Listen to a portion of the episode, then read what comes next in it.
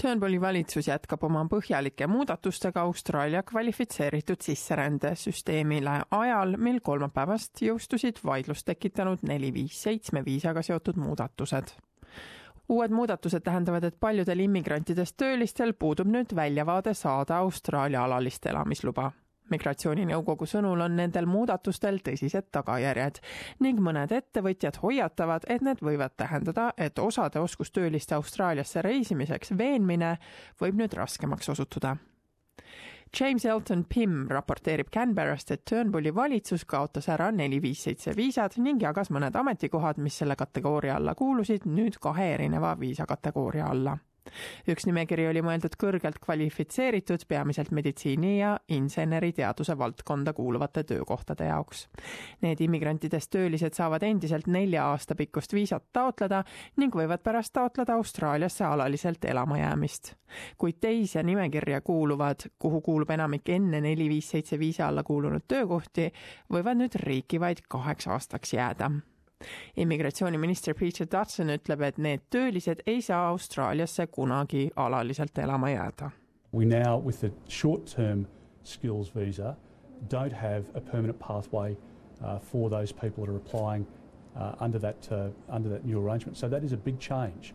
It's not an as of right that you'll become a permanent resident and an Australian citizen migratsiooninõukogu tegevdirektor Carla Wilshire ütleb, et nii paljude töötajate jaoks sellisel viisil alalise elamisloa saamise peatamine tekitab nüüd kahetasandilise süsteemi One of the concerns is that this will break up our temporary migration program into two different tiers one that has an option for permanent residency and one that doesn't.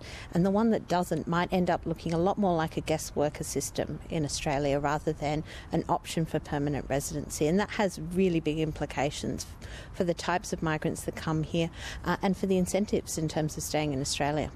Wilshire sõnul motiveerib paljusid Austraaliasse neli viis seitsme viisaga saabujaid töötajaid võimalik alalise elamisloa saamise väljavaade.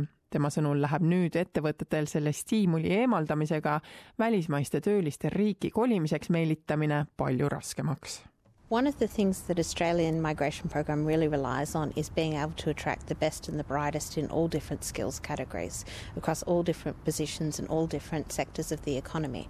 Um, what we need to be able to do is provide really strong incentives to get the best and the brightest. Uh, and permanent residency in Australia is a big part of that. Enamik infotehnoloogiaalaseid töökohti on nüüd sellele kaheaastasele viisale üle viidud ning sellistel töötajatel puudub võimalus alalist elamisluba saada. Nick Ingle on tehnoloogiafirmast Safety Culture. It's already a very competitive market as is, so having the ability to top up our workforce with individuals from abroad is key to us being a successful business üks tema töötajatest on Ben Morrison, kolmekümne ühe aastane ameeriklane, kes kolis Silicon Valley'st Austraaliasse, et neli viis seitse viisal siin töötada. Neid töötajaid, kes juba on neli viis seitsmega Austraalias tööl, neid valitsuse poolsed muudatused ei puuduta, kuid Morrison ütleb, et ta poleks Austraaliasse tulnud, kui siin elamise võimalus poleks laual olnud. What attracted me to the 457 was the ability to actually stay in Australia, come to Australia and stay Um, it's a place that I've always wanted to visit when I was a kid and kind of stuck with me. And the fact that I am in an occupation that actually allows me to go to another country that I've always wanted to be in and visit and possibly stay for indefinitely is pretty amazing opportunity.